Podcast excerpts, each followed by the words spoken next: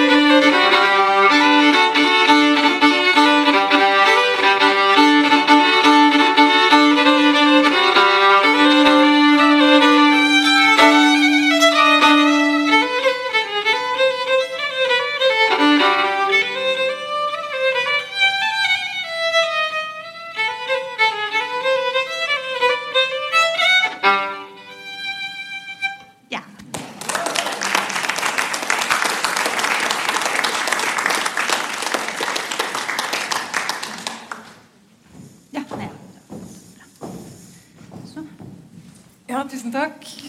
Og eh, velkommen til begge to. Um, hva, hva var det du spilte nå? Ja, nå spilte jeg en eh, signaturmelodi fra eh, ja, skal vi si Nordre Nordland. Eller ja, det var en Havela-slott som ja, Jeg vil regne den for en, en signaturmelodi i Nord-Norge. Og um, kanskje dere lurer på hva ei Havela er. Så er det altså ei lita and. Hyemalis clangula heter den på latin. Um, og da tenker jeg det må den jo hete for at den klinger så fint. Clangula, tror du ikke det? ja, ja.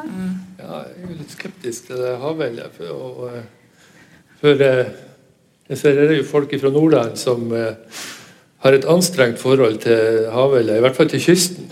ja For det er jo sånn, ofte sånn at man fremstiller Nord-Norge som kyst, og det vil jo på det kraftigste protestere. Eh, skulle, skulle, hadde det vært opp til meg, så har vi jo kalt programmet for Gransjure. Det jo eh, et mer passende for de strøkene jeg kommer Men fortell meg, har du laga mange slåtter til Gransjura?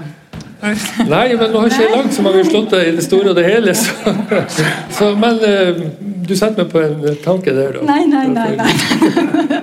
nei. Men Havela er rett og slett den eneste um, altså Det er en naturmelodi, egentlig. Den eh, etterligner fuglen havela, som eh, har en bestemt eh, Den synger nærmest treklanger, litt utvida treklanger. og Derfor så utvider også treklangen litt. Grønnere. A-li, Ali, Ali, Ali, Ali, Ali, Ali, a-li, synger han her sånn flere Kom igjen. Nei, alltid Nei, altså det, det, det, det er liksom jeg som skal være analytikeren her.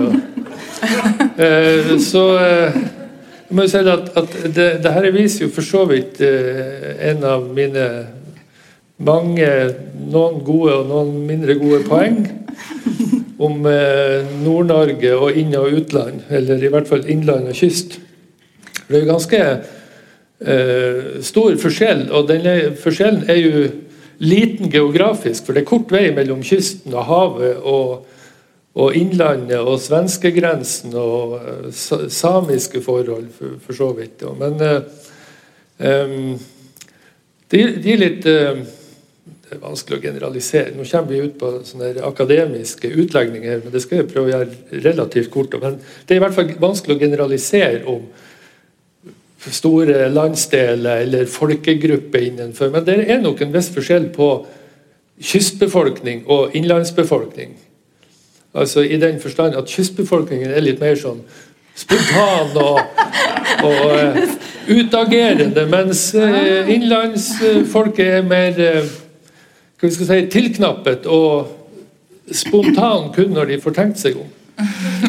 Men bare for å illustrere det, så er det altså det er en plass fra, fra en plass min som heter for Bleikvasslia, som ligger så nært svenskegrensen at de som bor der, de har en dialekt som nesten er fransk. og de prater litt sånn gjennom nesen.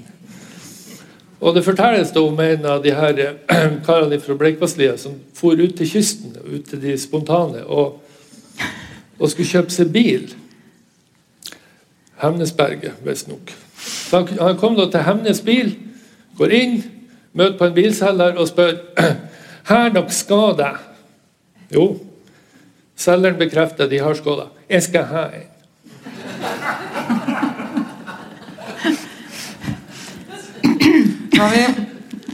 Det var langt ifra Havela til den der. Ja, det var det. Men, du, men det går i valsetakt, hørte du det? Gjør skådene det? Nei. Skåla de er stort sett kjent for å ikke gå i det hele tatt. Ja, ikke sant. Kan også si om Havella, som, som da er jo blitt en slott rundt Havella. Altså, det er hver spellemann i, i hvert fall i Lofoten og i, i deler på, på Salten-sida, altså på andre sida av Vestfjorden, de hadde det som de regna som den opprinnelige og den, liksom den Havella. Det var utgangspunktet for, eh, for Havella-slottene. At det var, eh, de hadde den korrekte liksom første prototypen på Havella. Da, eller kan For det finnes si. en haug med Det finnes veldig mange av de, og de er mer eller mindre utbygd. Men det er også litt artig, for at um, det finnes eh, som joik. De joika havela. Den eneste parallellen jeg kjenner til som er mellom samisk og norsk musikk så til de graver at det høres egentlig helt likt ut. Den heter Per Hetta, den joiken. Så det er litt, litt skøy. Og så heter det seg at dere skal bli eh, glad, eller hvis dere har noen sorger, så skal de forsvinne når dere kan en sånn melodi. Så det er egentlig lurt å ha det med på repertoaret. Mm. Ja. Nå, nå har dere i hvert fall fått uh, Havela, og det um, Det var det som sto i programmet, så nå, nå, nå er dere fornøyde. Så nå tenkte jeg at alt herfra og ut blir egentlig bare bonus. Eh, vi eh, Altså ja, Hva, hva veit folk flest om, om eh, nordnorsk eh, musikk og nordnorsk folkemusikk, da? Eh, eh, Sikkert ganske lite. Eller Jeg kan jo bare snakke for meg sjøl. Men, men, men, du Susanne, du du, du er Hva skal man si Du er jo nordnorsk folkemusikks ansikt utad. Det må man kunne si. Ja, hvis det ser sånn ut, så Ja, det gjør det. Nei, men jeg tror at, eh, at eh, mange tenker at det, det er deg. Det er, det er du som er nordnorsk folkemusikk. Du, du er jo eh, eh, har, har jo vært veldig markant. Og, og, um, og så kan du si litt om hvordan det liksom starta for deg, og om du har vært så aleine som det på en måte har virka som? Jeg følte ikke det når jeg vokste opp. så følte jeg ikke at jeg var alene. Jeg vokste opp eh, på 70-tallet, um, og eh, da var det flaks eh, for at jeg var i Jeg, var, jeg er fra Bodø, og da sto altså, Da sto jo bondekulturen veldig sterkt forankra i, i byene. Og um, Norges ungdomslag og Bull og, og um, det miljøet. Så jeg kom veldig tidlig inn i dansemiljøet. Og det var også samtidig med at, at em, musikkskolene ble etablert rundt omkring i landet. sånn at eh, For meg så var det en, en, rett og slett dobbeltflaks. At, det- at det både ble etablert musikkskole og eh, Så jeg begynte å spille fiolin, sånn vanlig fiolin, og så var jeg i dansemiljøet. Men så skjønte jeg jo fort Eller jeg ble hekta på det der med at jeg også kunne For jeg traff spellemenn. Jeg fikk være med masse rundt når jeg var lita på sånne eh, dan dansetreff rundt enten i Sverige eller i Lofoten. Eller vi reiste langt ifra Bodø. Vi for, det kunne være en hel dag med kjøring opp til Melbu eller sånn og for på fest, liksom. Sant? Vi, vi var ganske små. Fikk vi være med på det. Fest uten alkohol, da. Så hvor artig det var, vet ikke jeg, for, men for meg var det artig. Så. Men um, um, så fra 12-13-årsalderen så ble jeg veldig be bevisst det der med, med, med at eh, det fantes en nordnorsk eh, Jeg traff jo mange av de spellemenn eh, som da var siste generasjon, siste håndfulle eh, gjengen som spilte fra Lofoten. Og så traff jeg også litt senere noen fra Salten. Men jeg følte ikke at jeg var helt alene. og Det skjønte jeg ikke før jeg kom ned til eh, Bø i Telemark og skulle spille på Landskapleiken. Hvor, hvor dårlig status og hvor dårlig stelt synet på nordnorsk folkemusikk var. Rett og slett. Det hadde jeg vel egentlig ikke noen peiling på. Nei. Nei. Så um, uh, Og jeg hadde jo mine forbilder. Uh, Ja, Kan du si litt om, om hvem som har liksom inspirert deg, og, og hvem, hvem, du har lært av, som har vært viktig for deg? da? Ja, jeg hadde jo bl.a. en som, uh, som jeg var heldig som da var i Norges ungdomslagsmiljø. Det var jo Dag Vårdal. Mm. Uh, sikkert flere av dere som kjenner til han. Men Dag Vårdal var, han var jo sørenfra. Men han jobba rett og slett som lærer i Lofoten på 60-tallet, 70-tallet. Og starta da det som heter Vestvågøy spellemannslag og samla i hopen mange av de gamle felespillerne i Lofoten. Mm. Og um, han var den første som jeg fikk møte. Uh, og da var jeg tolv år gammel uh, og traff han. Og han på en måte geleida meg inn i denne verden. da.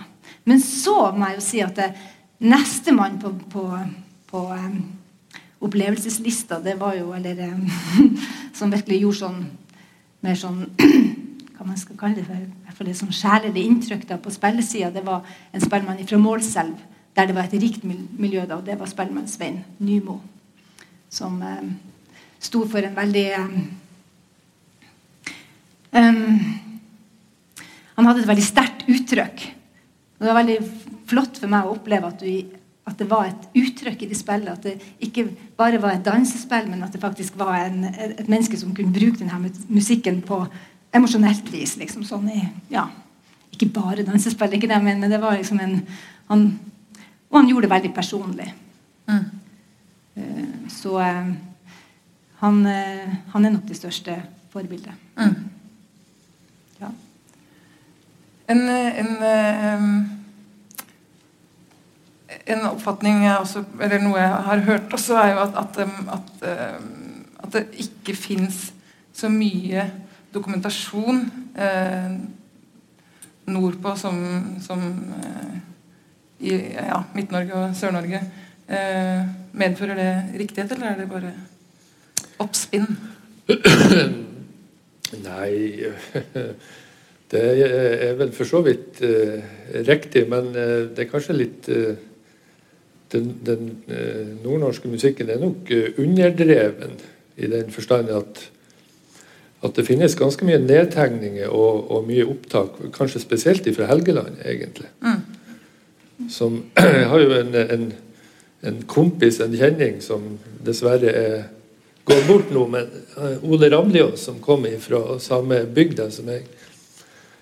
Og um, Han var jo lærer på det som den gang var nesten av lærerskole og begynte å interessere seg for Han spilte litt fele og sånn, og begynte å interessere seg for om, eh, om det skulle være noe musikk. Eller han visste jo om at det var musikk i det området han hadde vokst opp i. Så begynte han å, å, gjøre opptak og skrive ned, og enda det opp med eh, tror jeg, rundt 600 melodier. Mm. Og stort sett bare rundt Røsvatnet, som selvfølgelig alle vet er Nord-Norges, ikke Nord-Norges, men Norges nest største innsjø etter at man eh, gjorde ei utbygging sånn at eh, vi avanserte forbi Femund. Mm, smart. men, eh, men, i dette området som eh, der er, jeg skulle si, der er jo nesten ikke folk igjen, det er jo bare hytte. men eh, eh, hvis man går til Vefsn og Hattfjelldalen, altså Drevja Susendal, så er det jo både opp, masse opptak, eller masse, men det var jo ingen som interesserte seg så veldig for det var langt å komme nord om Dovre. Så, så det var vel først han eh, Rolf Myklebust på midten av 1950 eller sånt, mm. som var på en tur helt opp til Troms. Så, så, det er jo mye opptak som han har gjort. da. Mm. Men så finnes det jo sånne gamle opptak på rulle som er Tandberg-opptakere som folk tok opp, bl.a. oppe i Drevja. Det vet du at det finnes mye. Mm. Og der var det jo et eh, voldsomt felespillermiljø. Helt fram til eh, ja, 60-tallet eller noe sånt. Jeg har jo ingen befatning med det da jeg var ungdom. Jeg vokste jo opp med Beatles og Stones, og den slags jeg ante jo ingenting om det her. Men eh, heller vokste opp med den musikken som man Walter Solli, som var en av de fremste spillmennene, kalt for jazz og bunka bunka. og det er jo for så vidt òg en, Men det er en, kanskje en annen diskusjon, men det her er med Ting kommer opp og fram, og, og, og ting blir forsvart når det eh, oppstår en trussel. Mm. Sånn at de fellesspillerne de har vel Ja, jeg tror ikke de anså at det her verken var spesielt verneverdig eller noen ting, før de plutselig fikk trusselen om jazz og bunka bunka. Så at, at ungdommen slutta å spille fele og begynte å spille elektrisk gitar, så fikk man en motstander. Og det var selvfølgelig ei stund. Da førte jo det til sånn bevaringstanke, og at man eh, tenkte her må vi ta vare på, det her er verdifullt. Mm. Det er jo det som har skjedd i Sør-Norge 100 år før den tida, Mm. Som gjør at, at det sørnorske miljøet har og er større. Det har jo historiske forklaringer fra nasjonalromantikken. og det er klart Vi sitter og skraper på unnskyld, ei hardingfele. Og det kommer en, en tilreisende fra Kristiania og sier at det her er her, du besitter nå eh, nærmest landets kulturarv i dine hender. Bokstavelig talt. Og, og sitter og skriver ned det her. Klart at uh, Sjølfølelsen både for enkeltpersoner og miljøet blir jo noe helt annet. Og at det her må vi ta vare på. Ja. Mens i Nord-Norge så har vi stort sett hatt en bruk-og-kast-mentalitet. Mm. På godt og vondt, selvfølgelig. Mm. Ja, du, altså du er jo Du er jo helt klart akademiske alibiet her i dag, men du er jo, du er jo spellemann òg, så jeg lurte på om du kunne tenke deg å ta en låt? Nei. Ja Siden vi har snakka om Drevje, så må vi kanskje Han har en hardingfele hjemme, bare så det er sagt. Ja, det har Var ikke det ganske bra fele òg? Men den tør jeg altså aldri å vise fram. Skal vi se Uh, skal vi snakke om drevje, så må vi kanskje ta det som er typisk uh, for drevje. Altså en polsdans derifra. Er det noen som kan ha polsdans fra drevje for øvrig? Ja, ja. Kan du en? Kan du vise det? Ja? Fins det en lege i salen? Det er interaktiv interaktiv, interaktiv show. Ok. Kan du en?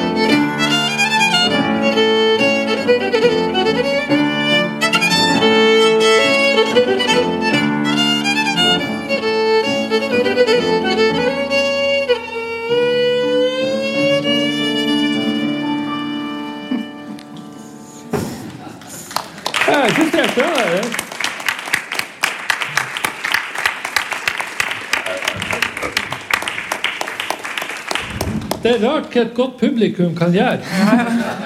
For øvrig professor i komposisjon, Volvær Drotninghaug Mo.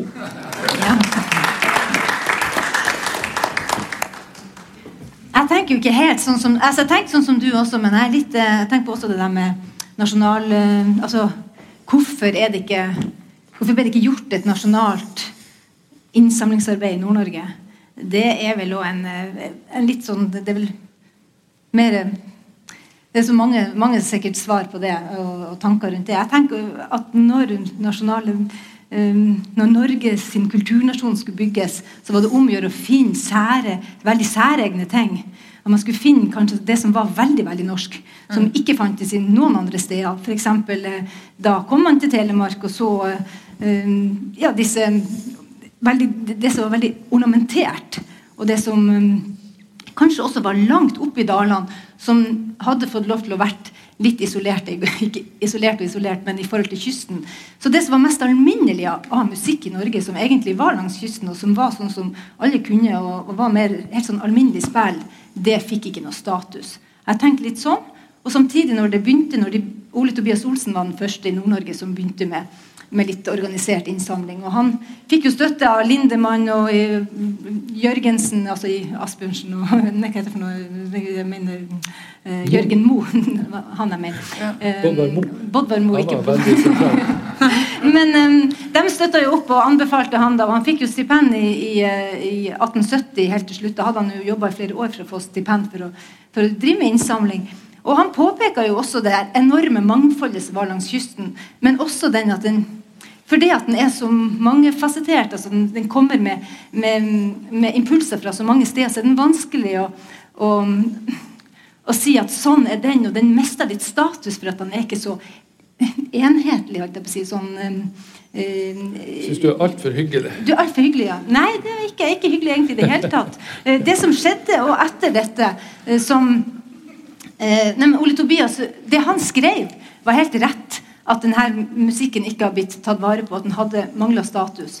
Men når de da visste om dette, og når da NRK begynte, eh, så gjorde jo de et veldig rart arbeid. For de leita jo på samme måte som man leita på 1800-tallet. Så leita de i innlandsbygdene og definerte at norsk folkemusikk det er en innlandskultur.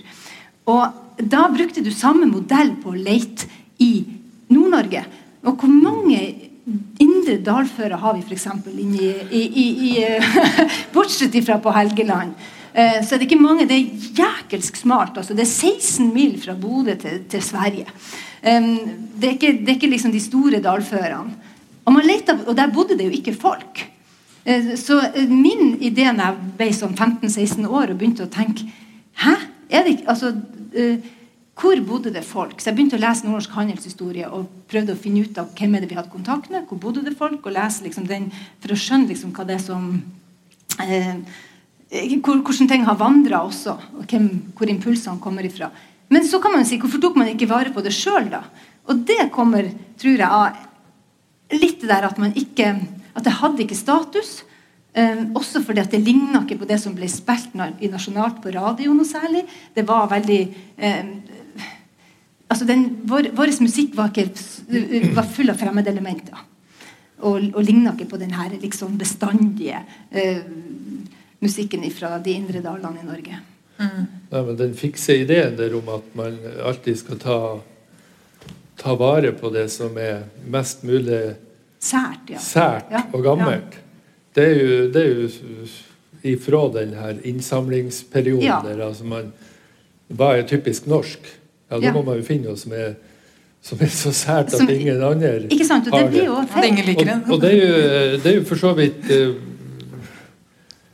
uh, Vi kan jo tro at det er noe særnorskt fenomen, eller særnordnorsk, eller hva det måtte være for noe, men det, det samme skjedde jo for så vidt med uh, de som drev innsamling av de her første blueslegendene, som er bakgrunnen for hele rock'n'roll-sirkuset i dag. Mm de, de, som kom og gjorde opptak med dem, uh, gjorde jo opptak med, med, ting som de egentlig mer eller mindre ikke har på repertoaret. For at de har ja. Altså De fleste musikere som ikke blir gjort oppmerksom på at du må holde deg til til det her repertoaret her, de vil jo følge med i, i tida og plukke opp det som er det nyeste. Akkurat som Ja, det gjorde Spellemann også. Det gjorde Ja, ja, ja. Spellemenn. De, de var jo, de Spellemann som jeg traff, de var jo egentlig like glad i å spille en trønderslott og en, eh, en eller annen svensk melodi. De, for de traff jo, de reiste rundt, og så får vi på sånne eh, Spellemannstevner rundt på Nordkalotten. Og så traff man hverandre, og så var det om å ha et felles repertoar.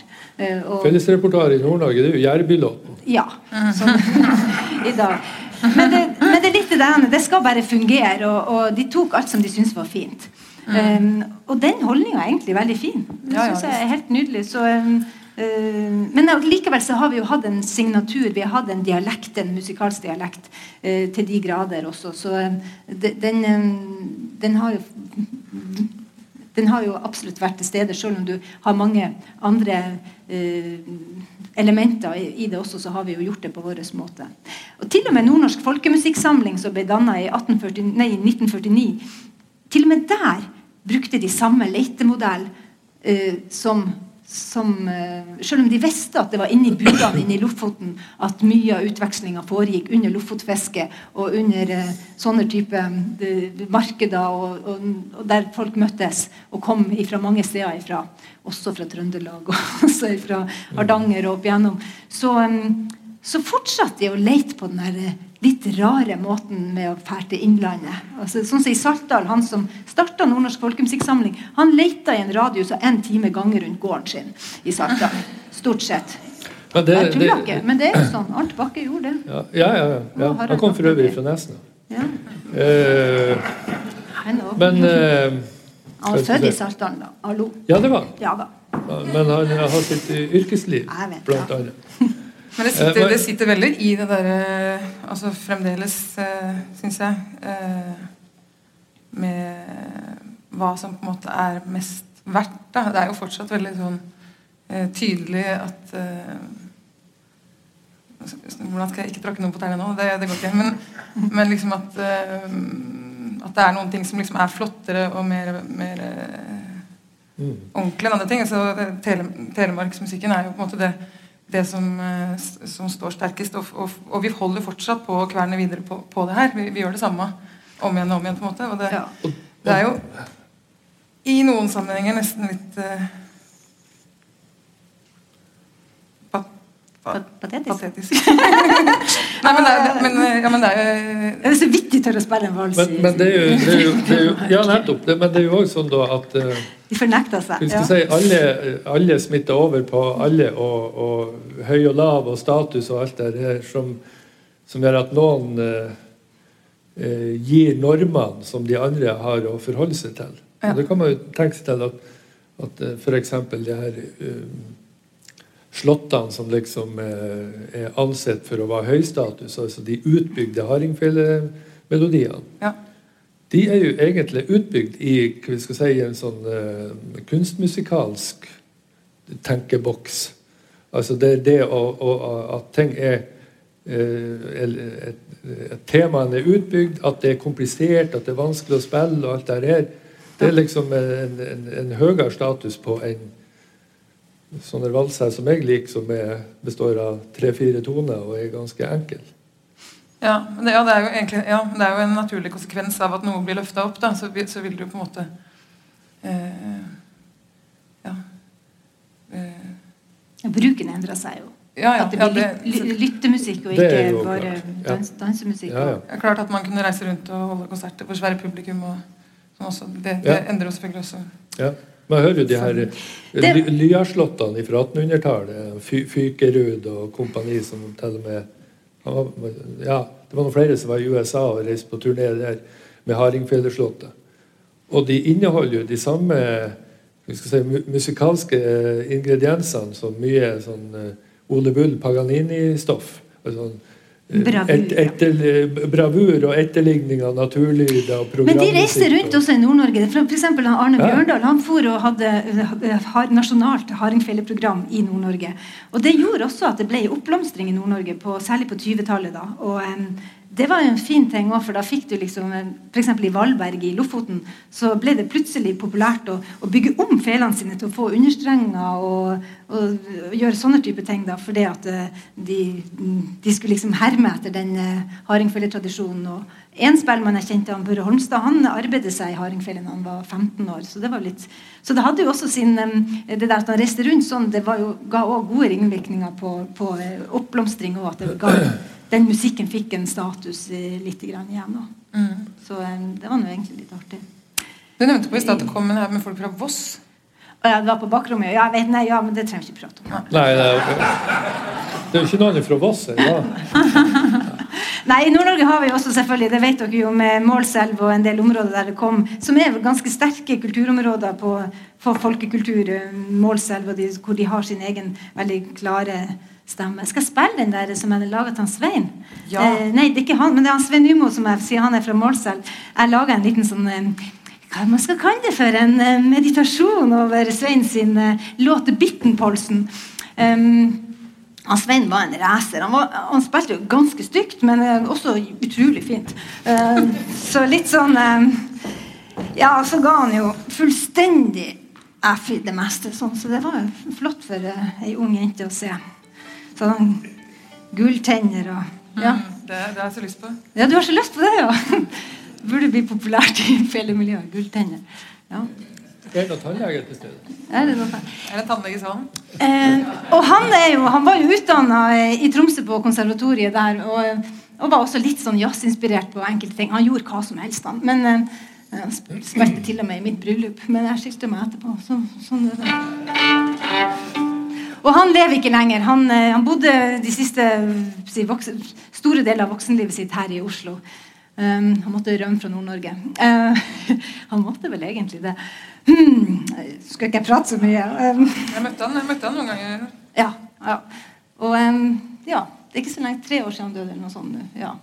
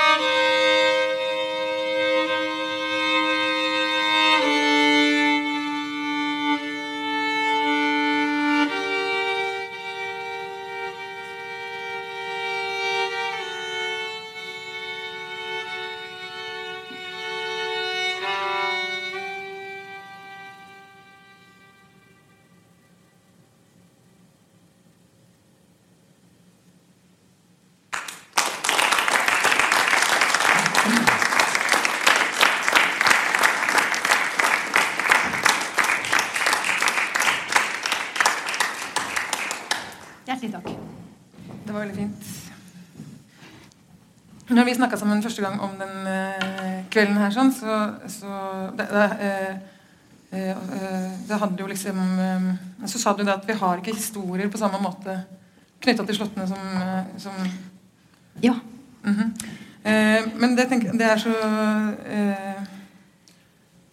Det du gjorde nå, f.eks. Det, med det med å fortelle om folk som har vært noe og gjort noe for, for tradisjonen sin og, og for, for andre folk, eh, det er også en måte, måte altså Det er så viktig ja. og bra. Ja, vi har jo ikke de såkalte som Vi har ikke navn på slottene sånn som det er um, vanlig ofte i, i sør. Jeg vet ikke Egentlig så vet jeg ikke hvorfor. Det var derfor jeg eneste jeg kom på, var Havella. sant? Eh, Men vi har jo vi kaller likevel slottene for noe. Vi kaller det gjerne De sier Beiarn eh, at de kan gjøre slåtten til den og den. Det vil si at den som spilte den, eller den, den hadde den etter, eller kanskje det var en god danser på en måte At de navnga det etter de som på en måte var knytta til slåtten. Så, men du kunne jo også risikere da at det var veldig mange melodier som fikk akkurat samme navn. Eksempel Anders Jonsson Slott. Ja, det er en Anders Jonsson, ja, det er en Anders Jonsson Slott. Også, her, sånn, den her, alle heter det samme, og så aner man ikke hva det er for noe. Um, så det er kanskje rett og slett behovet for å skille de fra hverandre som har gjort at man trenger navn. da, Men um, du trenger jo ikke prate så mye heller. Sånn, det er kanskje bare uh, Si nå jeg, da. Ja. Men um, Det er en uttegnelse, det er køkjelnummer, Kørkjelnummer, selvfølgelig. hva det betyr? Ja, det lurer jeg også. Hvor du Ja, kommer men, fra? eh, Mozart, Mozart sine verk de er vel eh, nummerert etter Kørkjel? Kørkjell. av en kørkjel. Uh, Opus? Ja, just ja. Mm. Så det er vanskelig å holde det ifra deg når du ikke har navn. Det er jo det samme med slåttene. Ja. Jo, har dere noe slått navn på Helgeland? da? Ja, ja, ja. Massevis. Men har dere Det slått har- av historier til de Nei, også? det, det har Sånn. vi ikke. Men vi har masse. Drømmen om Elin, for eksempel. Den veldig fin. Nei, altså, det er jo ikke noe, det er ikke noe uh, navn der heller. Vi kan, kanskje vi skulle Siden vi har en sånn der eh, oppildnet uh, affære, så kan vi jo spille eh, en, en vals. Ja. Vet du, for Vakkervalsen. ja, men den har jo navn, da. Ja, det har den. Er det for at den er så fin? Jeg vet ikke, men, men gjett hvem som har lagd navnet. Du? Ja. Ja. Det er bare for at han Bodvar og du skal vite hva dere skal spille? ja. Ja. Ja, ja, jeg skjønner det. Ja. Eh, Men det kan jo sies at det er etter en trekkspiller som heter Lars Torgersen, som var fra Hattfjelldal. Så egentlig heter han Valseter Lars Torgersen? Ja, men vet, egentlig så har han lært den hos en som heter Mikael Krutnes, Ja. som bodde ved Røsvatnet. Ja. Og om han sies Hva, si det navnet en gang til. Mikael Krutnes Åh, det var krutt. Ja, det er krutt, krutt i det. Det sies han var så gammel at de nærmest bar han opp på en stol, og så ga de han en fiolin, han spilte, eller det var et bryllup eller noe sånt. Tog han fiolin, og så satt han ja, mer eller mindre i ørska og spilte på samme melodien hele tida, og det var da Vakkervalsen. Om det var vakkert, det skal være usagt. Men uh, vi kan jo prøve en, uh, en versjon, og i motsetning til kystbefolkningen navn ikke nevnt, så, så spiller vi da så sakte som vi kan. Og aldeles ikke i dansetempo. Jeg spilte vel ganske sakte i sted. Ganske sakte. Ja! Du er videre til neste du kommer nå og trenger deg på, så da må du nå bare få være med. Ja, vi får se.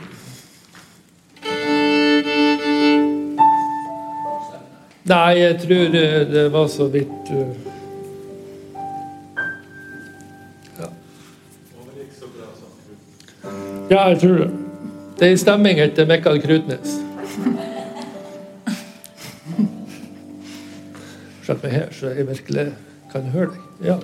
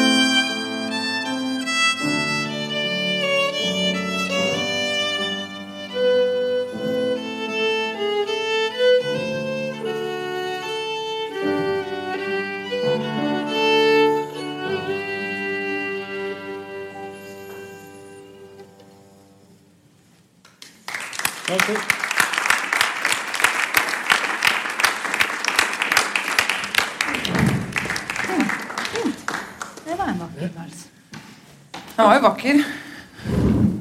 Ja. Det, eh, det fortelles jo Bare jeg kom på det i farten her. Han eh, Walter Solli, som, som jeg har nevnt på før, fra Drevja han, Vi var på mye sånne runder når gjorde intervju i forbindelse med doktorgraden. Så vi kjørte Drevja rundt, og han var kjentmann. Og, og eh, introduserte meg til diverse folk oppi denne Drevjabygda. Men han var da bedt om å spille i begravelsen til onkelen. Og da har han bedt om en vals som gikk i B-dur i et forrykende tempo. Men eh, heldigvis, eller dessverre, så ble det ikke den. Men eh, derimot han eh, Ole Rabliås sin begravelse, den var avslutta med den her. Det var kanskje mer passende begravelsesmusikk.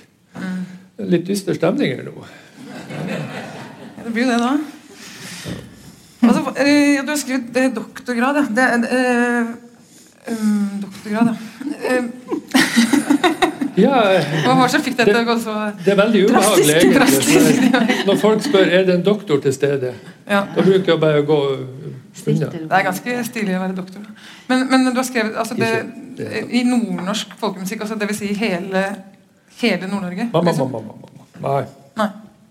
Nei. Veldig liten del, så Innlandet på Helgeland. En liten del av Innlandet. En liten del av Ja. Innlandet på Helgeland. Nei, det er eh, altså eh, For ja, det er jo jeg, jeg, jeg har konsentrert meg om den eh, som var en kommune, i hvert, hvert fall, men som er i bygd, som heter for Drevja. Mm.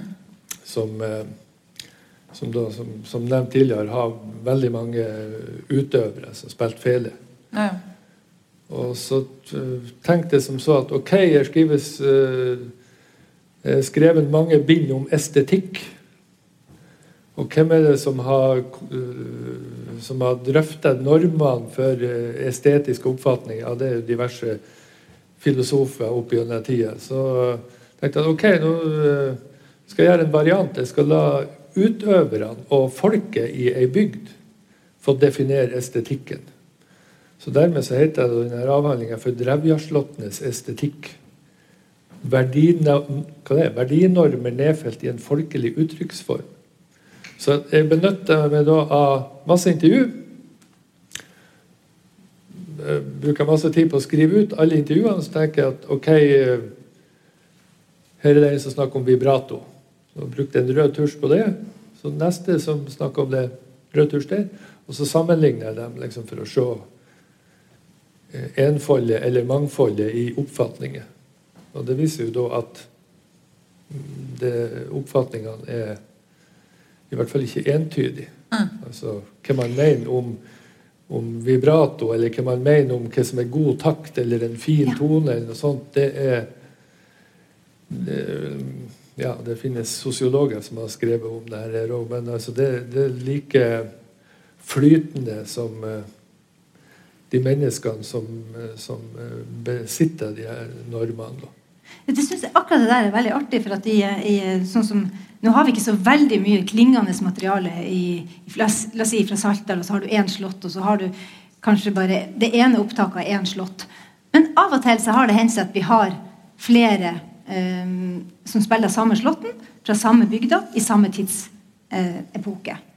Og så hører man da hvor utrolig ulikt de spiller. Så tenker man, er det mulig? Er det, er det, hva er, liksom, hva eh, hva felles, hva er det, som er fellesnevneren for det? Og det er sånn jeg prøvde å jobbe, for det var så lite eh, materiale på klingende materiale, og det å klare å rett og slett kom frem til en dialekt for de spillene som jeg traff, de, de spilte hva som helst. Men de hadde jo selvfølgelig en måte å spille på. Men akkurat det der å, å, å, å sammenligne hva er det som er lov å gjøre, å være personlig Og, det er også flott å se at det, det fins veldig mm, det, det, det, er stor frihet i det å kunne ha, være personlig i spillet, samtidig som det er noe som alltid er bestandig.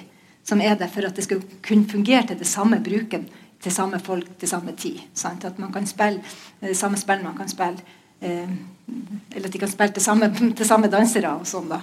Så akkurat det syns jeg har vært veldig artig å, å, å, se at det har vært så stort mangfold i, i det personlige uttrykket. Ja, det er jo noe med Hvis man skal dra det virkelig ut på de store vidder, så er det jo samme problemstillinger kan si, i forhold til å være norsk. Hva er det å være norsk? Hvis at øh, Det begrepet vil jo da romme en masse ulike oppfatninger.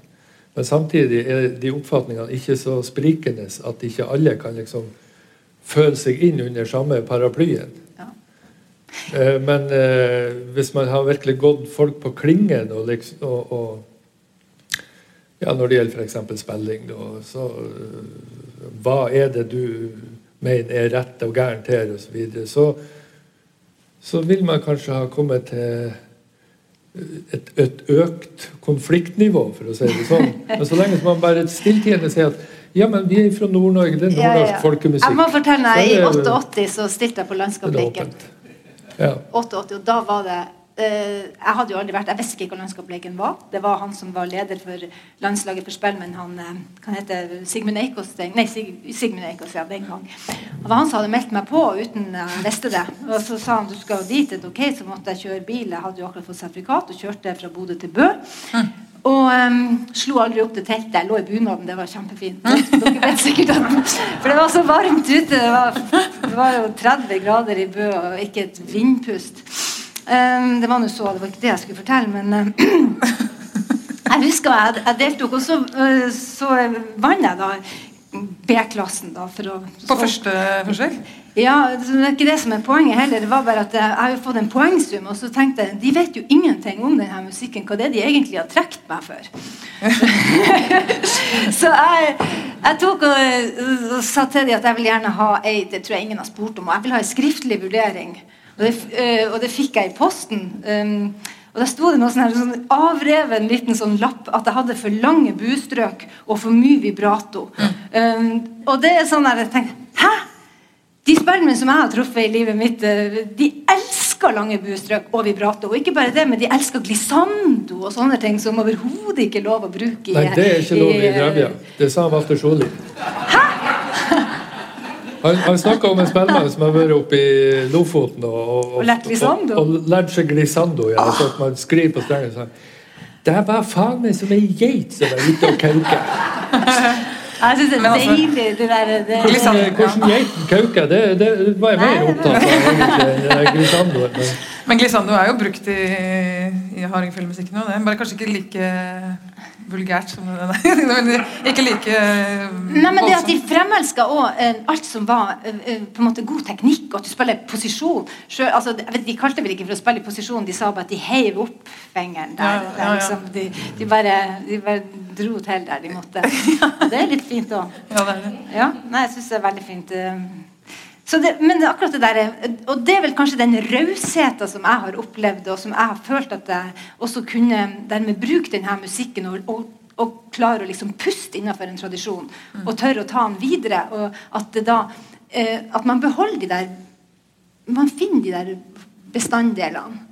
Og så tar man det med seg, men så finner man òg hvor er det lov å være personlig, og hvor er det lov å bygge videre på ting. Så det har vært min min frihetsfølelse i denne musikken. Og, og det at også de spellemennene var så um, um, sa bestandig til meg at måtte, du måtte gjøre sånn som du. Du må, gjøre, du må, ikke spille som oss, du er jo ikke, du er ikke 80 år. liksom, sant? Du må, uh, ja, det var en ja, fin ting. Det, det er jo uh, en uh, som heter for Martin Stokes. En, ja, fra Drevja? Nei. Ja, musikkantropolog rett utenfor Mosjøen. Nesten i Drevja. Men han snakker jo òg om det her eh, om musikklivet i ytterkantene. Mm. At uh, borders and boundaries At når man er ute på, i borderlandet, altså ute i grenseområdene, mm. så er friheten større. Mm. For det at uh, Dess nærmere sentrum man kommer, dess mer detaljstyrt er det fra port portvokterne som bestemmer hva som er rett og hva som er gærent. Ja, det er vel noe i det. Antagelig. Vi, eh, vi, skal, vi, er nødt til å begynne å runde av, rett og slett. Um, vi er jo på biblioteket hvis uh, du uh, Hvilken uh, Vil du anbefale en bok, eller? Som du har skrevet, som du har skrevet sjøl? Jeg har mange ganger tenkt på det hvis jeg har kommet i det her brenner med det her, og fått snakke om bøker som har betydd mye, så jeg ville anbefalt 'Hjortefot'. Men eh, siden det det nå er Nasjonalbiblioteket, så kan jeg jo anbefale eh, 'Musikk, folk og landskap'. Den er omtrent i samme sjanger som 'Hjortefot'. Ja, den er veldig god. Ja. Det står om meg, den. Ja, det gjør det. Det gjør det faktisk. Det står ganske mye om det. ja, gjør det. Men jeg er ikke så enig i alt som står, men det er greit. nok. Nei da, det kan du ikke. um, og så må dere, hvis ikke dere har uh, all musikken em, til Lundeng, så må dere kjøpe den. Kommer ny plate i- på nyåret. Havella Records, eller? Yeah. Yes. Det heter faktisk det. altså. Ja, ja, ja, ja, ja, det er en signatur. Det heter kanskje ikke Records. Nei. Nei, Havella heter det bare. Ja. Plateselskapet Havella. Og når jeg er platedirektør, vet du hva jeg har på meg da? Mm, hatt, eller? Tiara. Tiara.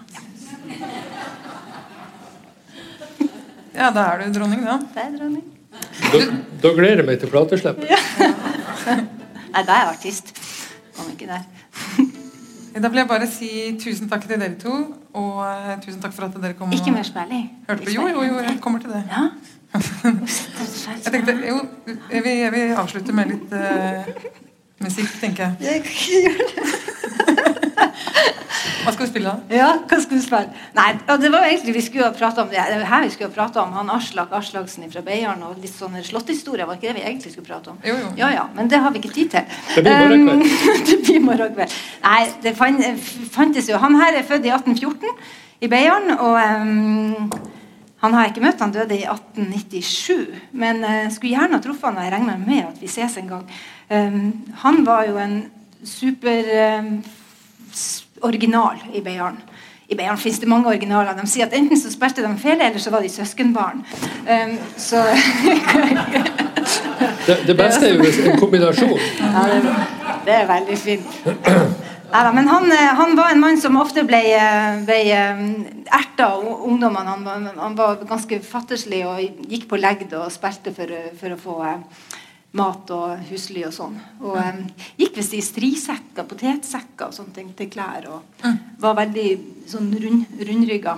Og um, de brukte å klippe av strengene hans. Jeg var fæl med han. Han satt alltid med ryggen til i et hjørne, og, og, for han var livredd at de skulle ta han.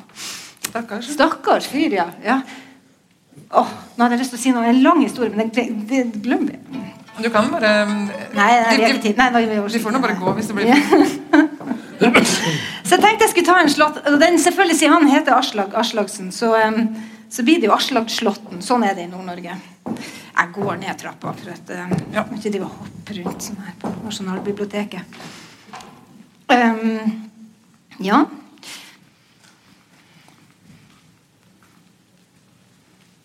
Den går på trollstilt. Det er nesten ingen slåtter. Det er sånn typisk, og det fins en bitte liten ting av det ene og en liten ting av det andre. Og det finnes kanskje ei, en par slåtter på det feilestilt, og så fins det litt, litt sånn her og der i Nord-Norge. Det er ikke så mye sånn uh, Ja.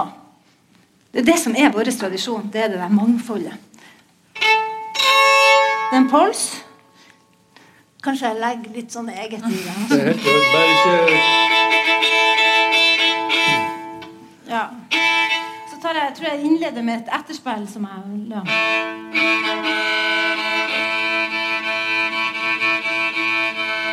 Jeg har en dum streng.